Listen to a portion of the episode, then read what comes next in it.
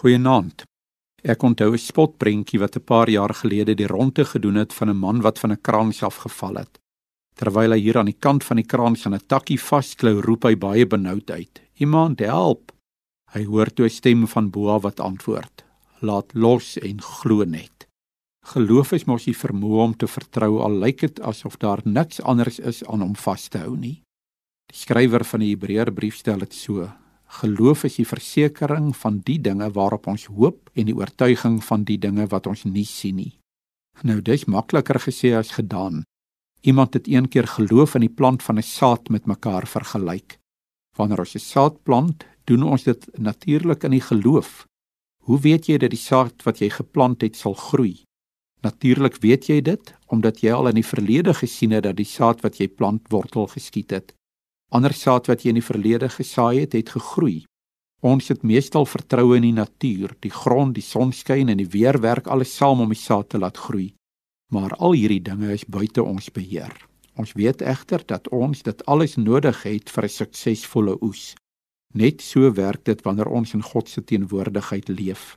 Ons kan alles in ons vermoë doen vir die dinge om te gebeur, maar na ons gedoen het wat ons kon, dan moet ons terug staan en dit oorgee in God se hande. Jy vra hoe jy dit moet doen in donker tye en tye wat die lewe jou rol.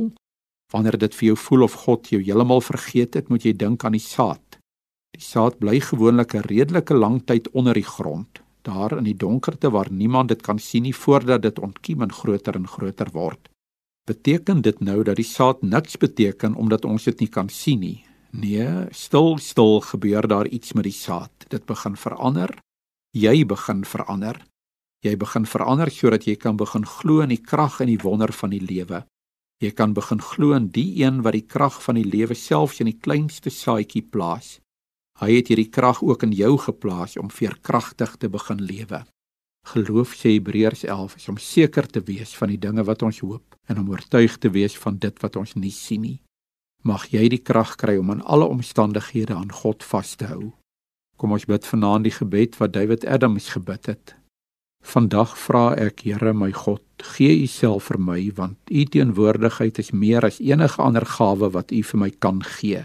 Kom Here, genees my verlede, bevry my van bitter herinneringe.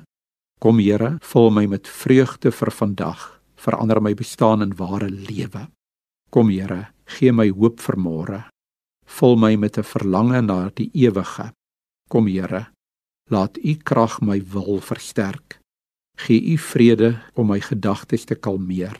Help my Here om myself vir U te gee. Amen.